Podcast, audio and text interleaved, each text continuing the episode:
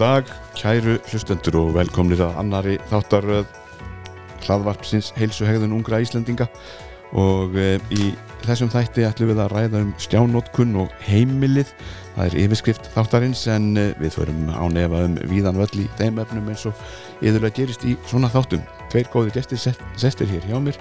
Það eru þeir Óttar Birgisson sem er klíniskur sálfræðingur og doktorsnemi í heilsufræðum við Háskóla Íslands og e, Bernhard Láð barna og unglinga geðlæknir hann er dósent í, við Háskóla Íslands og báðir og við allir sem hér sitjum erum foreldrar. Þannig að það er ágætt að ræða þessi mál sem að tengjast skjánótkun fólks hvort sem það er nú ungt fólk eða, eða þeir sem eldri geta talist. En bara velkomnir báðir tveir og gaman að fá okkur í heimsókn. Takk fyrir, Takk fyrir það. Eh, Það sem við ætlum að ræða hér í dag eins og ég nefndi aðan stjánótkun og heimilið og, og eh, svona undir yfirskriftinni stjánótkun ungmenna og áhrif á heilsu. Þetta er eitthvað sem að segi ég sem sakfræðingur hefði nú ekki verið mikið til umræðu og þó kannski fyrir 20, 30, 40, 50 árum. Þetta virtist það nú vera þannig þegar sjónvarpið var nú að, að stiga sín fyrstu skrifa að fólk hefði áhugir af því að, að aðteglinn beindist nú öll þangað og fólk hætti raunverulega að gera nokkuð annað hvort sem það væri að fara í leikhús út að borða í bíó eða ég vel bara stunda útivist. En svo var það nú ekki en það er ákveðnar áhugjur uppi með, með tækin sem við erum alltaf með í vasanum. Og kannski rétt bara að byrja þér óttar uh, þessar áhugjur hversu raunverulegar ef svo mórið komast, eru það? Já, þetta er mjög góð spurning og, og það sem að kannski er ágætt að byrja þegar nefna er að, að þú talaði með um fyrir 40-50 árum síðan þá hefði komið þér óvart að þurfa að eiga þessa samræðum núna um, um áhrif skjáa. En uh, við höfum auðvitað haft áhyggjur af uh, afleðingum nýra tækni lengi. Mm, um aldir í rauninni. Já, ég með Sókrates, hann, hann hafði áhyggjur af, af hérna, að rítmál myndi skada minni fólks.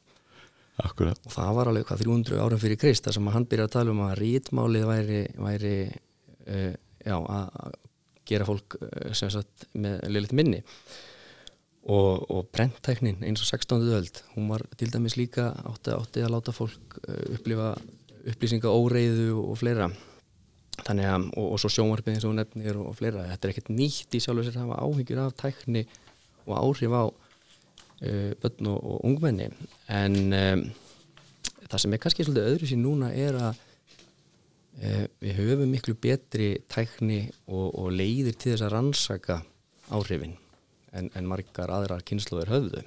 Við erum með gögn eh, nánast bara stöðugt eh, í, í gangi að, sem er að sapnast upp sem við getum nota til þess að rannsaka og svo hafa læknisvísindunum sem kannski Bernhard kemur inn á eftir fleikt fram og, og það hefur svolítið hjálpað okkur að skilja betur þessi tengsl sem við ætlum að skoða. Þannig að það er vissulega rétt að hafa áhyggjur en, en af hverju og, og, og í hver, hversu miklu mæli það er eitthvað sem við bara kannski skoðum hérna einmitt í dag Það er svona hluta því sem við ætlum að velta fyrir okkur en já, hvað, hvað segir þú um þessa þessar vangaveldur, Bertond? Jú, sem ég ætla að svara bæði sem fóredri og, og fagaðili sem, sem fóredri hef ég náttúrulega mikinn áhuga á því að undibúa börnin minn fyrir framtíðinni og það eru, margir fóredra eru stoltir yfir dæknilegri færni barnan sína en, um, Og á ég vel á hann að halda stundum? Já, en á öðru leiti sem um, fagaðili og, og ég held að margir fagaðili að hugsa líka eins og ég að uh, jú það er ástæða til að hafa ávíkjur ávíkjur af uh, hérna áf, áhrifum skjánotkunnar á þróska barna, alveg algjörlega. Og hvort þetta sé vitsmunarþróska, tilfinningaþróska félagþróska, líka líkamlega þróska Já, þetta hefur margvíslega áhrif sem sagt, að vera svona önnum kafin við skjáin Já, en uh, þú nefnir einmitt líkamlegan þroska. Já. það er nú kannski að síðast sem manni hefði dott í hug. Já, eða hvað? já, bara svefn náttúrulega. Það er bara ótal margar rannsóknar núna sem eh, sína hversu stórt, stórt árið þetta hefur á, á svefn börnin í dag sofa miklu minna síðan uh, snjart bara kom og hérna Það eru nú mjög margar rannsóknir núna sem sína fram á það og það eru, þetta hefur áhrif eh, náttúrulega í gegn eh, þetta melatoninkerfi sem allir þekkja. Þegar við höfum öruglega heyrt eh, mikið hversu melatonin nótkun er orðin mikil núna í þjóðferðinni okkar mm en það hefur líka áhrif á svefn út frá efnunum sem börnin eru að skoða og þetta örfandi áhrif sem það hefur líka á, á, á, á heilan. og svo dregur kannski ég vel úr reyfingu líka Jú, svo, svo er það líka, það hefur áhrif á reyfingu og, þessaklega þegar þessi nótkund verður óhófleg. Í, í dag maður ta- talar um einmitt skadaleg nótkund, þetta, þetta nótkund sem fer að hafa áhrif á, á hérna, líkamlegt ástand. En ég, ég, ég sé líka og hérna flesti sérrængar eru sammála mikið þingdaraukning í tengslum við Já, skjánótkun. sem er daldi vandasamt umræðefni það er, er erfitt að tala um það en þarf að gera það, er það ekki Jú, jú, það er mjög erfitt að tala um það en ég held að sérfræðingar í ofittu barna eru alveg skýri með þetta og þetta er hluti af því sem þau taka alltaf til umræðu við, þessa, við fjölskyldu þessara barna. mm. Um, maður getur líka nefna það að það hefur árif á allt sem uh, hjálpar mælinn til að undibúa sig fyrir svefn. Þú veist, uh, gera eitthvað rólegt, róa sig, hafa samskipti við aðra og hérna bara svo margt. Já, svona þessi, þessi tími sem þarf raunverulega til að vinda ofan af sér eftir daginn Já, algjörlega, algjörlega. og hann er orðin miklu stýttri kannski hjá flestum, ekki bara börnum unglingum Jú, jú, algjörlega, algjörlega. Líkilvægt ástand að hefur haft uh, á tímabili líka áhyggjur af uh, þessum uh, um, örbilgjum Já, sem geta allavega hú, þessi alþjóðleg heilbriðismála stopnun hefur skilgreint þetta sem mögulega krabbaminsvaldandi hérna, hérna efni. Já Þannig að það er að hafa það í huga líka. En það það að hafa það í huga en það kemur í ljósetna. Já, það er auðvitað til lengri tíma. Já, En uh, einmitt þetta með alla þessa þætti og þú sem sálfræðingur óttar, eh, hefur þið fengið áhyggju fulla fóreldra þín eða jáfnvel, jáfvel ángistar full börn og unglinga sem hafa eh, bara líður illa yfir hvað þið eru bundin yfir tækjunum Ég, það hafa, uh, sko, þegar ég var á heilsugjæslu þá, þá vissulega er þetta oft, kemur þetta alveg merkilega oft til umræðu í, í oft í öðru samhengi, ekki kannski sem, sem aðal áhyggjunar Nei, en uh, um, það er auðvitað uh, eins og Bertrand segir, þetta eru miklar áhyggjur af til dæmis eins og líkamlega þátturinn. Það er eitt sem kannski var, var ekki nefnt sem að maður er fann að sjá sem foreldri ef þið sjáuð börnin ykkar í, í símum. Hvernig er, er staðan á hálsunum að þeim þau eru oft með, með höguna niður í bringu og, og, og sjúkraþjálfar að hafa og, og talað um til dæmis að það sé að aukast hjá þeim fólk sem er að koma út af um, merkjum í, í, í nakkanum og stóðgerfinu einfaldar sem á reykja til skjánotkunar og þá svona þessa, þessa handheld eh, sem, er, sem, er, sem er haldið á. Og það vissulega er, er eitthvað líka sem að eh, sem að við þurfum að hafa áhyggjur af eða skoða en, en við þetta líka kannski er að bæta að, að við erum að tala um skjánótkun Mhm. og skjáir er allstað við komumst ekkert í gegnum daginn á þess að vera á skjám. Þeir eru bara út um allt. Og, og það er skjár í bílunum okkar það er skjár í sumum ískápum og, og þannig að skjáir sem slíkir er eitt. En svo er það eins og við aðeins kannski komið inn á það er líka spurning með, með innihaldi á skjánu hvað er í þeim? Mm -hmm. og jú, rafstíðurbylgjunar og sérstaklega bláiljósi getur haft áhrif á melatóninni eins og, eins og hann nefndi og, og, en samt hafa alveg verið að gera rannsóknir þar sem að fólk notar um, uh, filter til að taka bláiljósið út en, en samt er það af áhrif á svefnin þannig að það er eitthvað meira en bara uh, rafstíðurbylgjunar þar Getur það líka bara verið örfunin af efninu sem fólk er að neyta á stjánum Já, vissulega. Það er eitthvað sem að hérna, sérstaklega sjá við það hjá kannski drengjum sem eru mikið í, í, í tölvuleikjum sem að örfa sympatíska döðakerfið upp. Þannig að hérna, já, ég held að það sé alveg klálega og ég eitthvað sem Bernhard veið þá tengið meira, þekkið meira þegar það kemur að því en það eru auðvitað eitthvað sem að, sem að setur uh, streitukerfið í gang rétt á hann fyrir að sofa eða úr að spila það sem úr að hlaupa og öskra um. Þannig að það getur haft klálega áhrif. Já, ertu sammála því?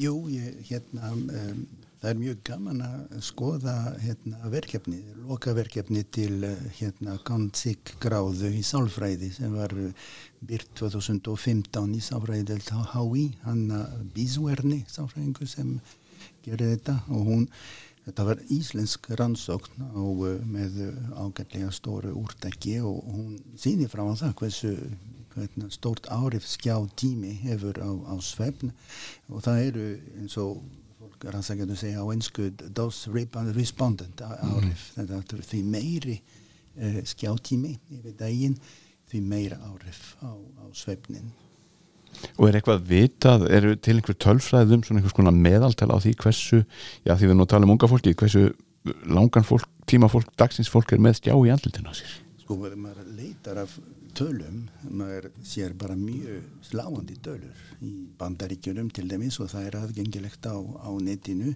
Maður sér tölur eins og frá 13 til 18 ára aldri uh, meðal tími nýju klukkutíma Bara heil vinnudagur, bara rúmlega það. Já, þá er bara allt uh, talið uh, fram með þessu eins og hérna þar var að segja um, og yngri kantinum 6 tíma meðaltal og 8 til 12 þannig að þetta eru gífileg mikið og hérna, hefur öruglega mjög stort árif á heila þróska Já, gerir það. Um, og einmitt þessi, þessi langi tími þá er yfirleitt fólk kannski ekki að gera mikið annað á meðan eða hvað og sumir eru á tveimum skjám já, já, reyndar.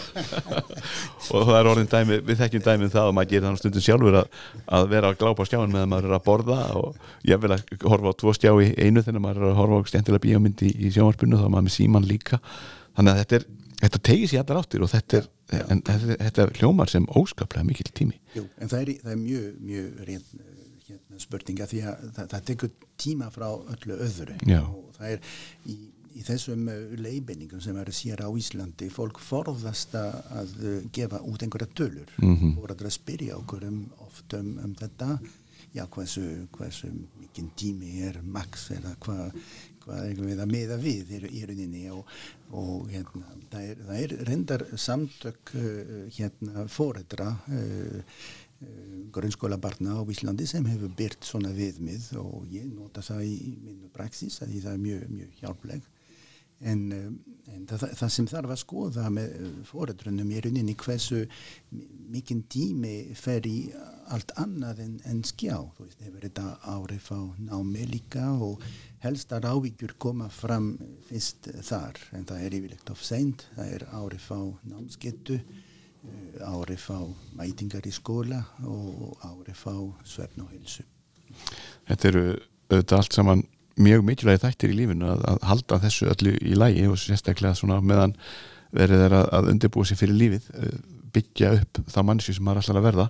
En einmitt þetta sem að gerist líka verist vera er þessi mér langar svolítið til að kalla það á unnan aðteglisprest, ég veit ekki hvað það er mjög óvísendalegt en það er ég ekki á ykkar sviði en uh, þetta finnast maður, hvort sem maður er 15 ára eða 45 ára maður þurfa alltaf af og til að vera grípa skjáin síman og gá hvort eitthvað nýtt sé komið.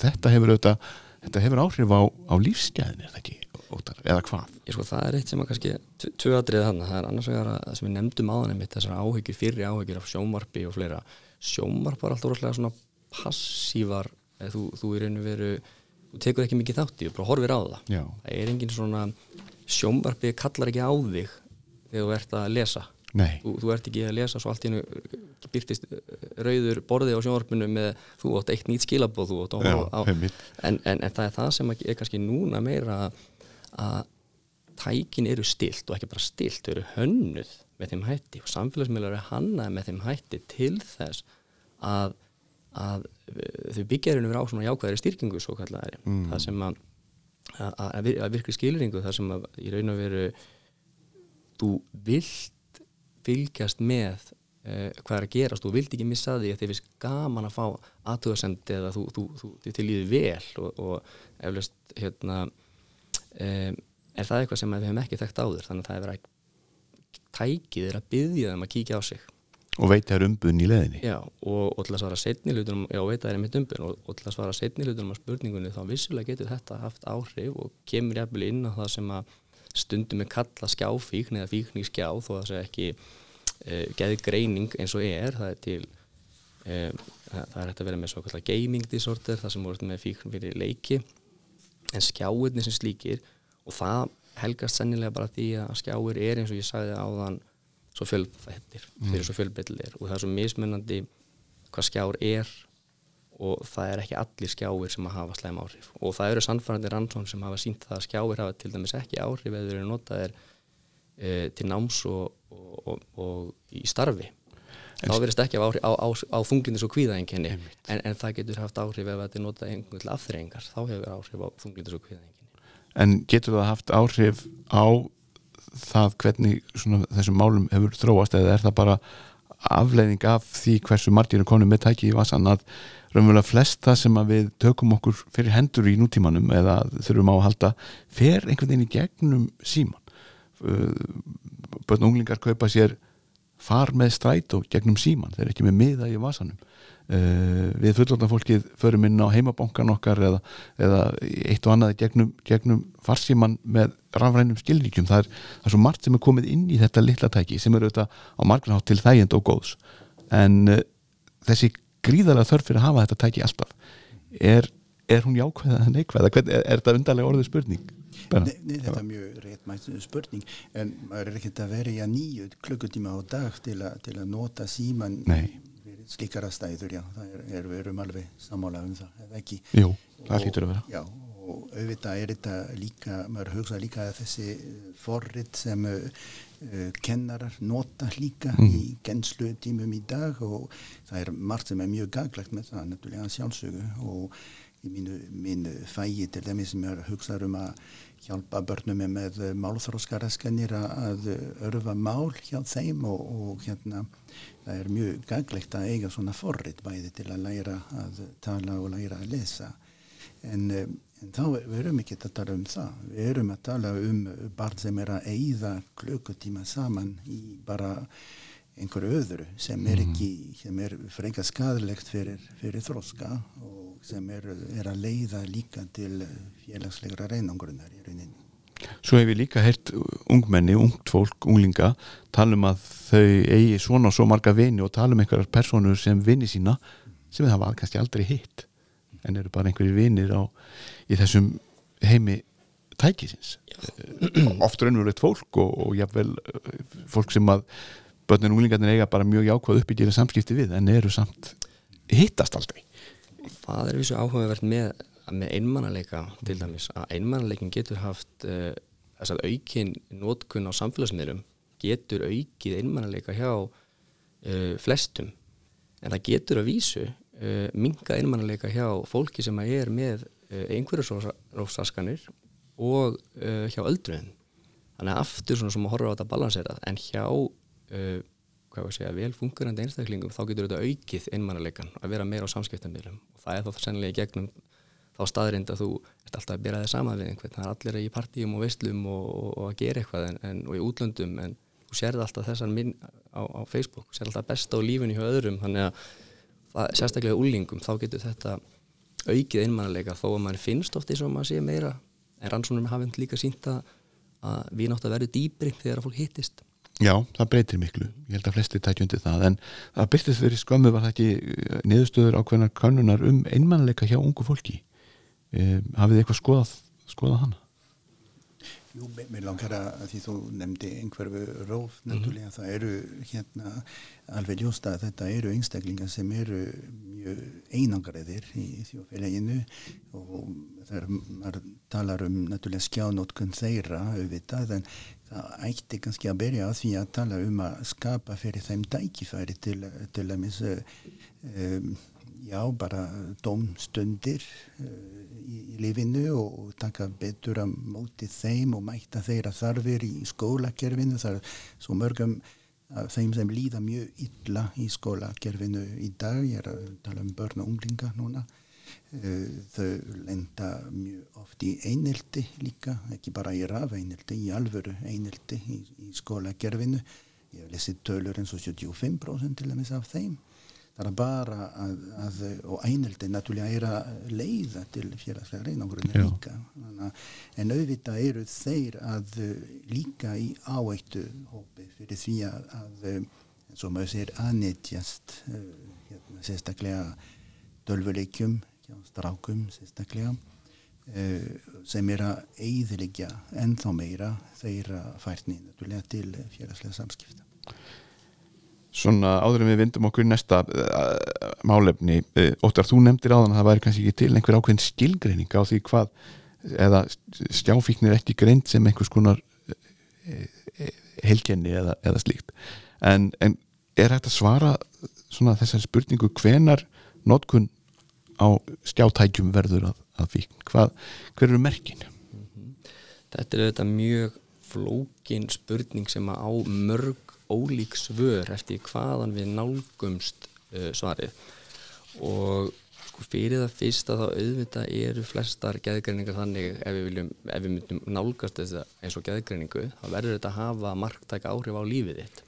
Þannig að þetta verður að líða illa það er eitt skref, verður að, þetta verður að hafa neikvæð áhrif á þig en þetta verður líka að hafa slæm áhrif á lífið þitt þannig að út frá einhverju tilfinningu þá myndi ég segja að þetta væri þegar þetta er farið að, yfirtaka lífið þetta er fættur að sinna sjálfum þeir eða sinna öllunniðinum eða skildunniðinum eða út villorðin, það er að segja þá fyrir þetta klálega áhrif þegar þetta fara að skemma svefniðin og, og, og slíkt.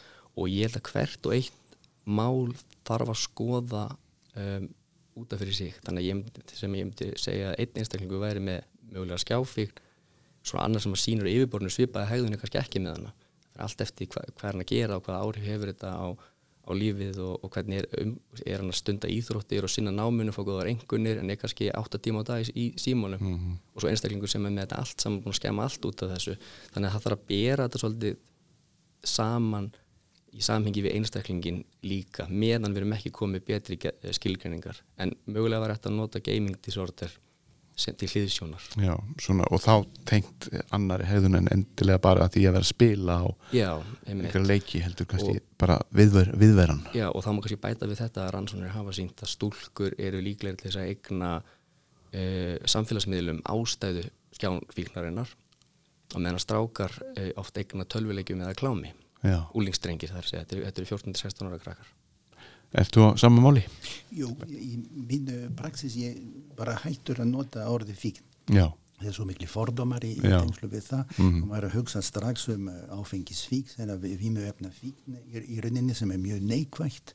Þannig að til að, til að geta rætt þetta alminnilega við fólki ég bara nota öðruvísi orðalag eins og til dæmis uh, skadaleg, notkun, óhafleg, notkun.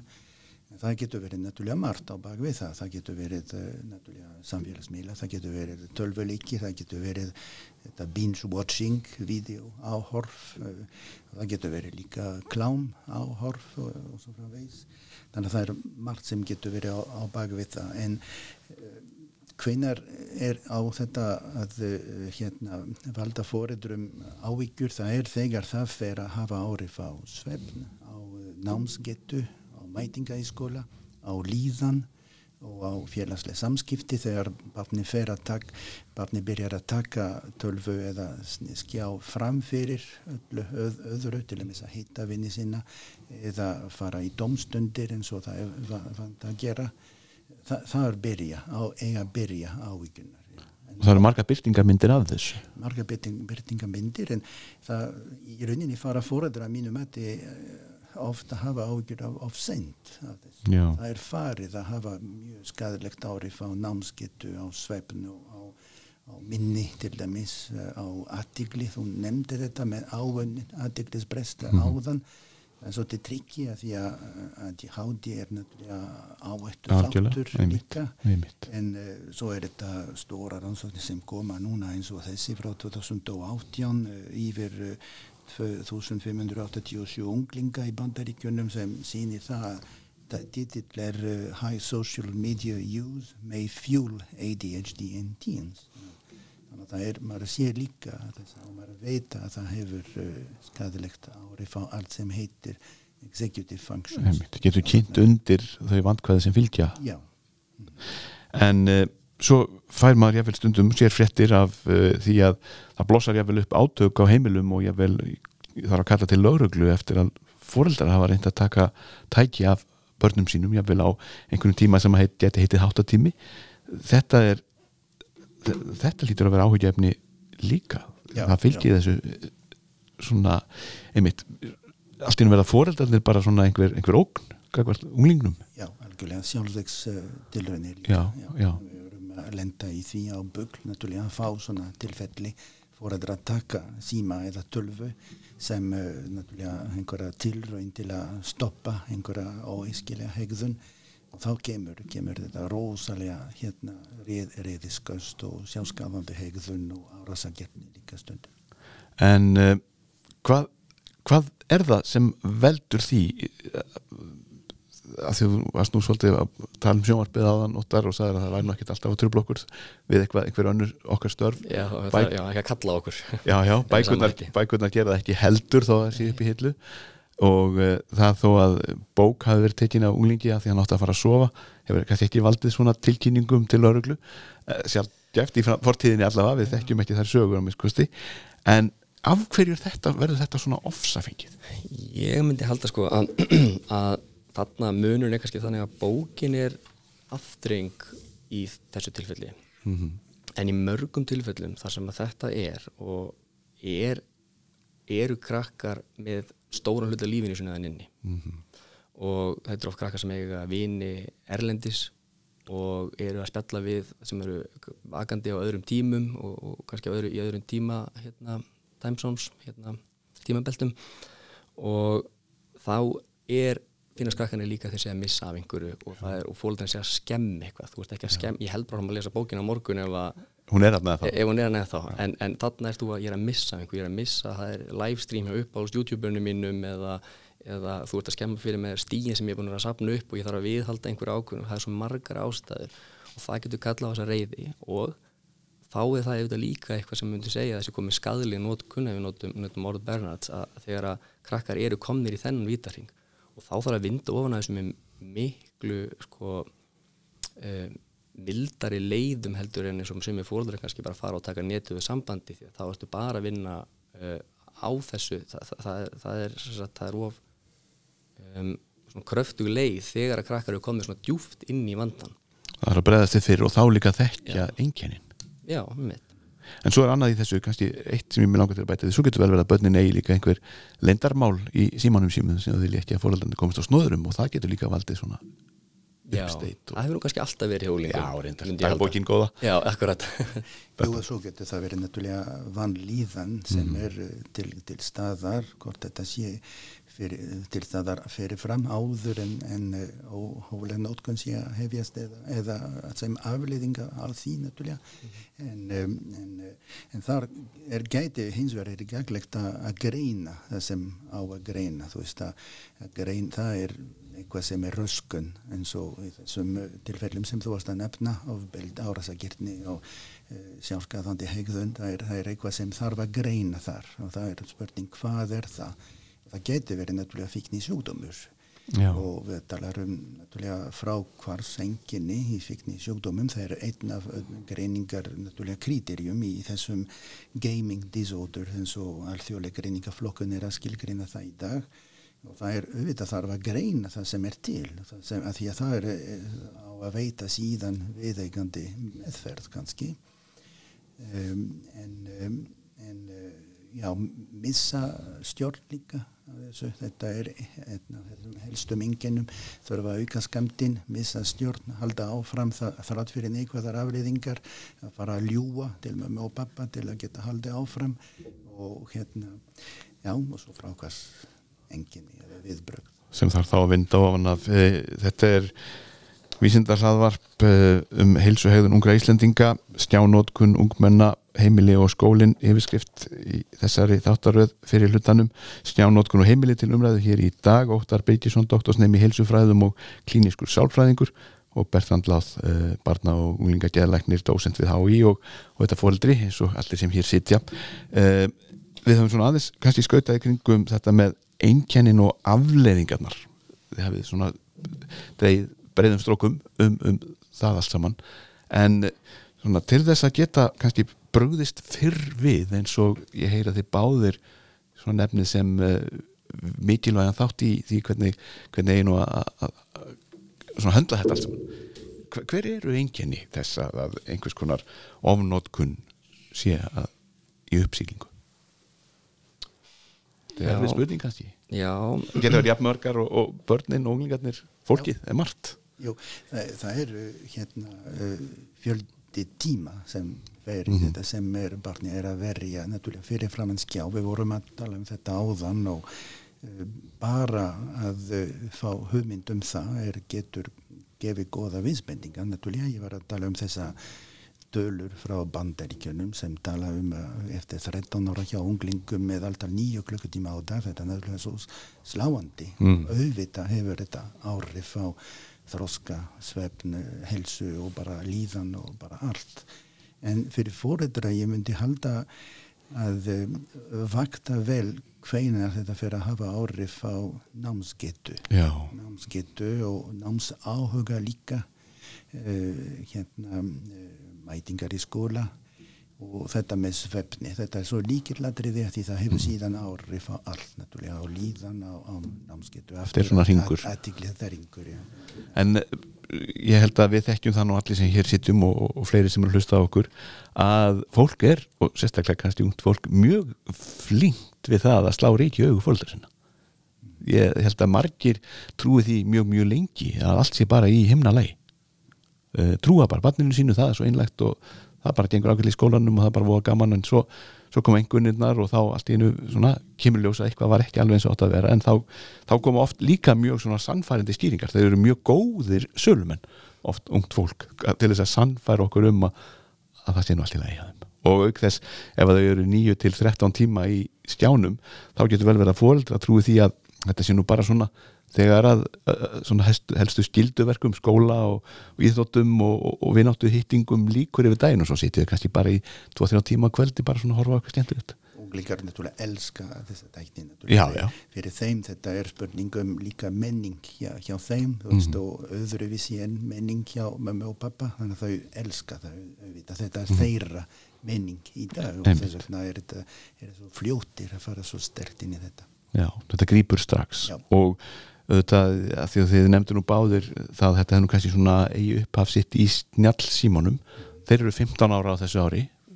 Fyrsti iPhone síminn kom á markað 2007 ef ég maður rétt. Þannig að það er, það komin já, það er fjöldi fólk sem var unga börn eða rétt að fæðast þegar að þessi tækni var riðið sér rúms og, og þekkir hún ekkert annað þetta er bara hluti af lífinu. Eðlilegu hluti af lífinu. Þannig kemur svolítið áhugur inn á áhugur punkti. Ég er núna með, með grein í, rítríni hjá hérna eh, erliði tímariti þar sem að við vorum akkurat um þetta að skoða þetta hér. Sett frá að skoða sambandið á milli netsamskipta, samfélagsmiðla sérstaklega árið 2003 við árið 2015 og þá komið mitt í ljós að árið 2003 þá voru uh, var fólk vissulega á samfélagsmiðlum það voru, voru MSN og hugi.is og það voru eins og frumstæði miðlar þarna 2003 en það var ekki uh, samband þar á milli. Það var ekki samband með þess og hvíð og þunglindisengina þannig að skiptirinn eru ekki, þeir sem voru rosalega mikið á samfélagsmiðlum 2003 það hafði ekki áhrif á, á líðan þeirra.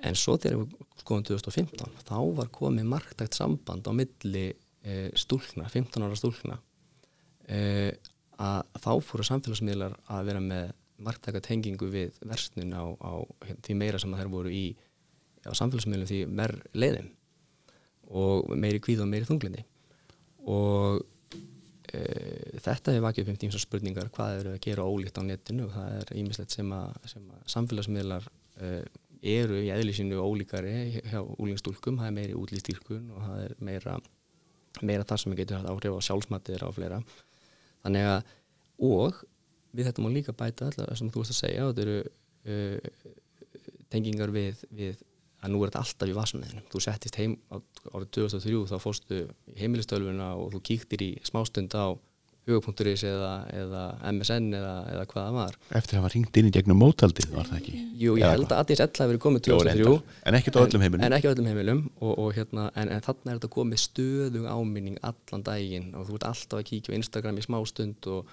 og, og sér þar uh, eitthvað svona fullkomi lífstíl sem að þú ert ekki að, að eða líkama eða eitthvað stíl sem að þú ert ekki kannski að uppfylla. Þannig að gerfi heimur þar. Þannig að það er rosalega áhugavert að skoða þessa breytingar það kemur kannski pínlítið inn á líka það sem að ég mín álgun svolítið í þessu er að það er ekki endilega að fókusa bara á tíman eða, eða tíma sem var við skjá heldur hvað er verið að gera og, og, og hvaða hópar eru sem að eru viðkvæmari en aðeirir og reyna að vera aðeins kannski svona með sértækari yngripp uh, eftir eftir því hvað hvað þeim ræðir og jafnvel hvort það sé einhverju vendandi þættir. Eru vend, þetta er verið íþróttum? Þetta er eitthvað sem eftir að rannsaka frekar. E, e, getur þá er það að hafa minni áhrif á þig að vera í, í tölvunni og svo framvegist þannig þetta er eitthvað sem við, við erum að skoða ennþá og, og það er verið að skoða um allan heim. Við, þetta er ennþá bara í frum brennskunni þetta e, þessar rannsóknir. En það að þú nefnir þessi, þessi tvö ártöl 2003 og 2015 það er örskot stund á milli. Já bara þetta elsta barni mitt er með þvætt 2003 en það er nú bara tilvölin Já, já, en svona þetta og þetta, þetta, þetta er svo ör fljót og skjót þróun, þróun sem hefur átt í stað Já, ég held að má alveg segja að okkar vandar, stór vandar rannsóknir af þessu, að því það er svo, svo, og það var að segja svo margt í þessu. Það er náttúrulega tölvu leikir sem geta verið á mismunandi toga, það er fyrir langflinstum, það er náttúrulega skjóta, en það er margt annað líka. Mhm. Það eru samfélagsmiðlar og þó, svo er þetta hérna, uh, þetta vídeo áhorf, svona binge watching sem hefur stórt árif líka og en uh, það sem var kannski ekki í byrjun þetta var þetta og það hefur stór aukist það er uh, hérna klám áhorf hjá, Já. hjá ung, unglingum já. drengjum strákum aðalega já. já, hjá strákum já, já. Já, fyrst og fremst og, og það er að því að þetta er líka eitthvað sem þeir geta bara verið að dunda sér við uh, í einrúmi algjörlega, þetta er það, það er kannski það sem er hluta þessu líka þetta einrúm, þú ert ekki með fjölda fólks í kringum þig með sama skjáin Þú- þetta er, þetta er enga skjár sem að þú getur gert nánast hvað sem er á og uh, er það það er margar hátt jákvætt auðvitað að hafa svona sitt eigið rými þarna en á sama tíma skapar það ákveðnar hættur eða ekki okkar vandar bara Já. rannsóknir um þetta og við uh, hérna uh, á börl við höfum kalla eftir uh, rannsóknum um þetta, líð, helsu uh, rannsóknum um þetta á, á Íslandi sérstaklega til að, til að móta okkur svolítið skoðan uh, varandi þetta og, og líka skoða lausnir. Einmitt og það er kannski ekki á þessum tímapunkti auðvelt að átta sig á langtíma áhrifum af þessu af því að langtímin er bara ekkert komin Nei, alls ekki, nei, Óttar nefndi eh, áhrif á líðan og það, það er búin að, það er þessi mjög nokkra rannsóknir á Íslandi sem hafa sinn það og hérna ég er með til dæmis eina mjög flotta rannsókn í huga sem var, var byrt eh, 2012 10 til 12 ára uh, gömul börn og svo er stór, uh, stórt hópur og, og það er einmitt eins og þú, þú varst að þið áttar þetta hefur, uh, þetta eru eins og maður segir á einsku dose response relationship því meira, það kemur náttúrulega fjöldi tíma, því meiri því meiri tími sem fer, er varið fyrir fram að skjá því meira áhrif. Það er, það er eina vísi sem við eigum núna það er fjölda tíma. En kannski ef við myndum rannsaka þetta betur við myndum kannski vita betur um þetta. Mm. en uh, það er bara það vantar rannsóknunar og kannski vantar einmitt líka að átta sig á þessum langtíma áhrifum. Já. en er þetta að berða saman við eitthvað annað úr fortíðinni sem hefur valdið svona ofnótkun eða hvað svona til þess að draga einhverja líkur af afleðingum þessari miklu nótkunar ég myndi halda að það sé engu líkt í rauninni, ég bara veit ekki hvað þetta segir en ég, þetta er ekkert í hug. Það er, það er svo stórt er, komið já. stórt og nýtt. Kannski eina sem er dætt í hug þegar þú nefndir þetta, það var rannsóknir á, á sérstaklega á nýjunda áratuginum. Það var mikið verið að rannsaka áhrif uh, ofbeldisvild sjónvarsefnis á, á unga krakka. Og það er eitthvað sem að var aldrei komin svona hvað ég að segja komin niðurstaða í, það var alltaf misfjörsindi rannsóknir, sumar síndu að væri uh, að það hefði áhrif sumar síndu að það hefði ekki áhrif það var alltaf þriðja breytan inn í því eins og uh, aðstæður á heimili eða krakkar sem að fá frekar að horfa á svona, það er oft þá lausar í öðrum uppeldistáttum, það er þessi þriðja breyta, svo kom aldrei mynd niðurstað í því þegar fólk hætti bara áhengir af því fórum að áhengir á skjánum í staðin mm -hmm. þannig að og það, þetta er svolítið eitthvað sem að hérna, við höfum ekki svar við, við þar. En, en ég eina svona, já, eina svona sem að mér fannst vera samhlýða einhverju leiti það er þetta. Og það kemur líka kannski inn á þessi þriðja breytaði mitt. Hún er eitthvað sem við erum að rannsaka líka. Já, í tengslum við skjáina. Já, í tengslu við skjáina. Er það eitthvað annað sem að er af áhrif? Og þá þarf að gera alls konar uh, svona mediation rannsóknir og moderation rannsóknir og fleira. Og uh, svo er komið við náttúrulega að þætti fóreldrana þau eru eins og því hafa nú báðir nefnt fóreldrar eru oft seinir átt að sig á því að það sé jóefni að stefna. Um, en eigið þið svona einhver góð ráð handa fóreldrum Já, hér, nei, við augum nefnilega ekki góðar á að því að þetta eru svo erfitt að tala um þetta og, og eins og ég sagði áðan það er svo erfitt að koma á, á þessu þegar fíkni enginni eru að koma til staðar þetta er svo erfitt að ræða það nefnilega. Um, en, en eh, margir fóreldra eru núna að eh, leita sér hjálpar og eru að óska eftir eh, einhverja rá, ráleggingar varandi þetta og okkar vandar rannsóknir ennþá til að, til að hérna, skilgreina betur hvað er meðferð sem virka best með, með þetta sem er tala um, tala um hugrannatillis meðferð Mm. en, en það er ekki það á eftir að staðfesta það um, og þetta er út af því að einmitt uh, margir hafa verið í mikilli vörn til að greina vandamáli, við, það má ekki greina þannig að þar að leiðandi við þú veist að þetta er ennþá mjög óljósvarandi rannsóknir á meðferð. Það er ekki búin að skilgreina nóg vel. Það er engin konsensus um það hvernig á að greina þessa, þessa hluti. Og þá eru aftur komin að þessu, þetta er svo nýtt og þetta er svo Já. óþekkt ennþá. Já, já. en, en hvað með einhvers konar uh, forvarn, ég veit að þú ert kannski að koma inn á þetta líka. Akkurat, og það kannski kemur undir með forröndin ég tek alveg heilsugur undir, undir það sem hann segir með að við, við þurfum bara fleiri rannsókn til þess að vera með örugari ráðleikingar þegar að notkunnin er orðin skadaleg en í forvarnaskyni þá held ég að sé kannski tvent sem að fóreldri geta gert og það er í fyrsta lagi að vera góð fyrirmynd. Það er þetta gamla, gamalkunna fóreldrar eru alltaf með nefi í honum símanu sjálfur Já, já. og, og segja svo að börnin sín ekki verið í iPadinum og, og fara, fara að leika þér og svo er það sjálft með nefi í símanum það er eitthvað sem maður þarf að byrja að snemma bara að, að stafrænt uppeldi er bara áskorur fyrir alla núna. Og ég held að það sé líka gott og þarna er ekki rannsóknar á bæki, nú er ég að tala sem foreldri að það er að vera bara svolítið uh, inn í þessu sem fyrst. Vera meðvitið um þetta, skoða hvaða leikið er að spila skoða vefsíður eins og Common Sense Media sem að eh, þú getur slegið náttúrulega hvaða efni sem er og, og fengi upplýsingar um það og, og, og hvað er hættulegt við það, hvað er ljótt við það hvernig er ofbeldi, er blóta uh, er kynjamisrétti, er þetta spjalla er einhverju umræðu punktar sem er hvart krakkana til að gera? Er þess að taka við krakkana sko, prófið að spila við þá jafnvel, svona einhverja Minecraft eða hvað leikið sem þessar krakkar eru og, og verið svolítið í þeim heim þegar þeir eru yngri. Það myndi ég halda að geti auðveldað eitthvað þegar að fram í sækir. En þegar að uh, skaðin er skeður þá er því miður er ég ekki, ekki mikill viskubrunnur þar ef að fólk er komið í óefni. Ef maður þá mögulega að mismunagreina vandan og, og kannski svo, svona, við erum kannski aðeins búin að tala um að skoða hvað getur skýrt þetta því að kannski er það eitthvað annað sem skýrir þetta. Þannig að um, um, góð uh, kortlagning og greining getur skipt máli þar að skoða er þetta bara byrtingamind á einhverju öðru er þannig einhverju annar vandi til staðar og, og ef þetta er unni með hann þá lagast skjá notkunnin en, en það er eina svona sem þetta eftir í hug sko. Já, Mér langar að bæta í samála öllu þessu en það, það má segja líka að uh, reyna að hafa árið fá áættu þættir. Sem sagt uh, félagslega einangrun. Uh, þeir ég reyna að hafa árið fá skort á domstunda úrræðum fyrir börn og unglinga sem kostar svo mikið í dag. Mm uh, hjálpa þeim sem uh, glíma við uh, einhvers konar uh, erfileika í skóla.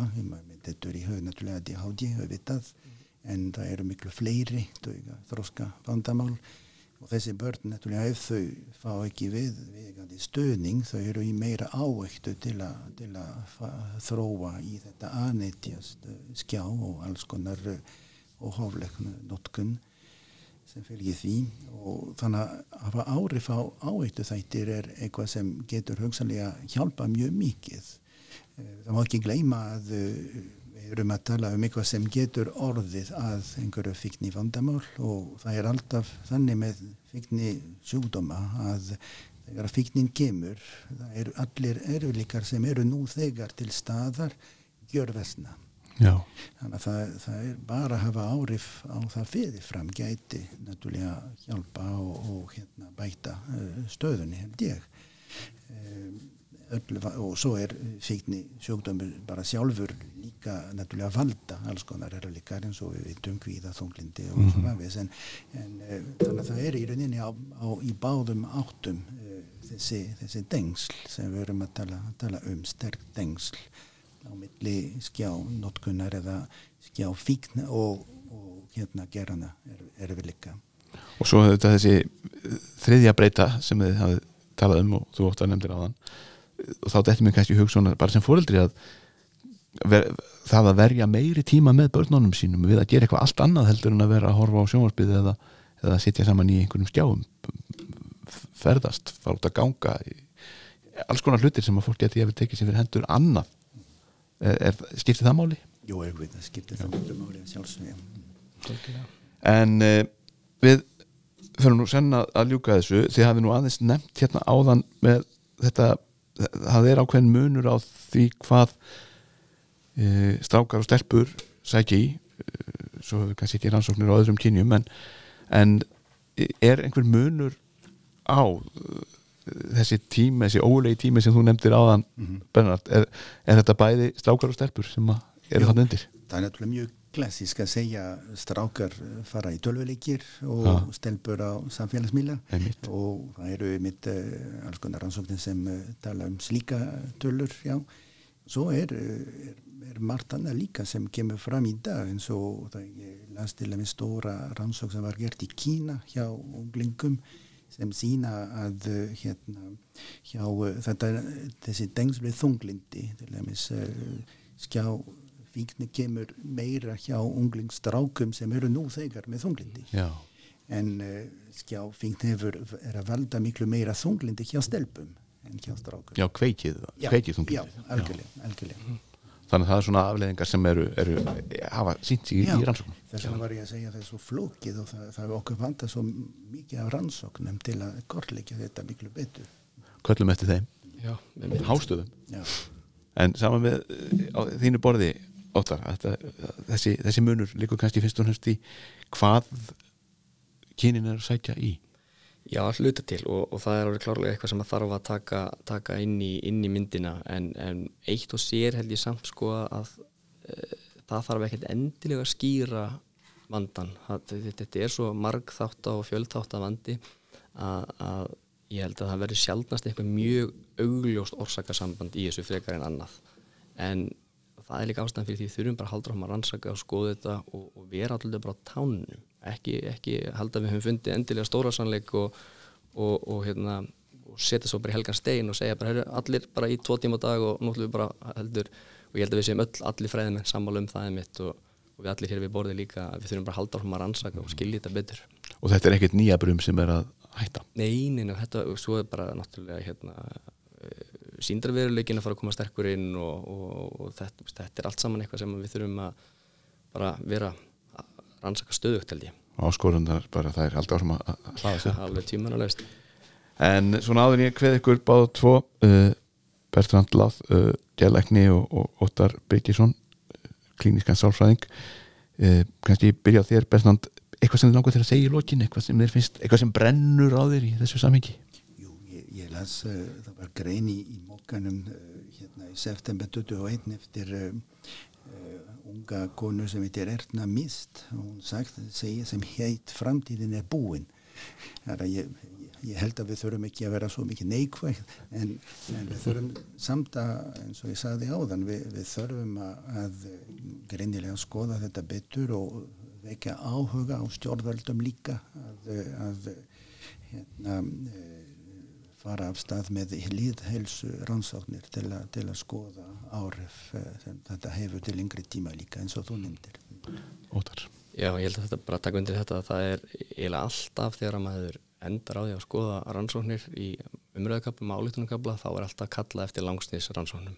Það er það sem er vantar núna og, og objektívar mælingar sem sagt að reyna að fá frekar að því að mest flesta rannsóknir sem að við höfum verið að vísa í hér eru býðar á spurningalistum hvað verðum miklum tíma í netið en, en það vantar meiri af, og það er verið að kalla eftir því það sem að gögnin úr sífum krakkana það er erfitt persónuvendalega að segja en, en það er það sem að myndi hjálpa mikið að, að fá uh, hlut uh, objektív gögn og beint úr símónum til síni hvað er um lengi og hvað er að gera og, og langsnýsrannsóknir. Ég er að fara á stað með eina langsnýsrannsóknavísu fljóðlega en, en, en það vantar stærri lartskil og við þurfum að halda um að gera það.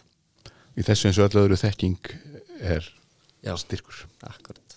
Gott að fá ykkur báði í heimsókn. Óttar Byrkisson, doktorsnum í hilsufræðum og klíniskur sálfræðingur. Bertrand Láð, barna og unglingageðleiknir dósend í við Háskóri Íslands og fóraldri þið báðir, þeður líkt og við þrý sem hér sitjum en nú aftur kæra þakki við komun og hlustendur takk fyrir að vera með okkur verið sæl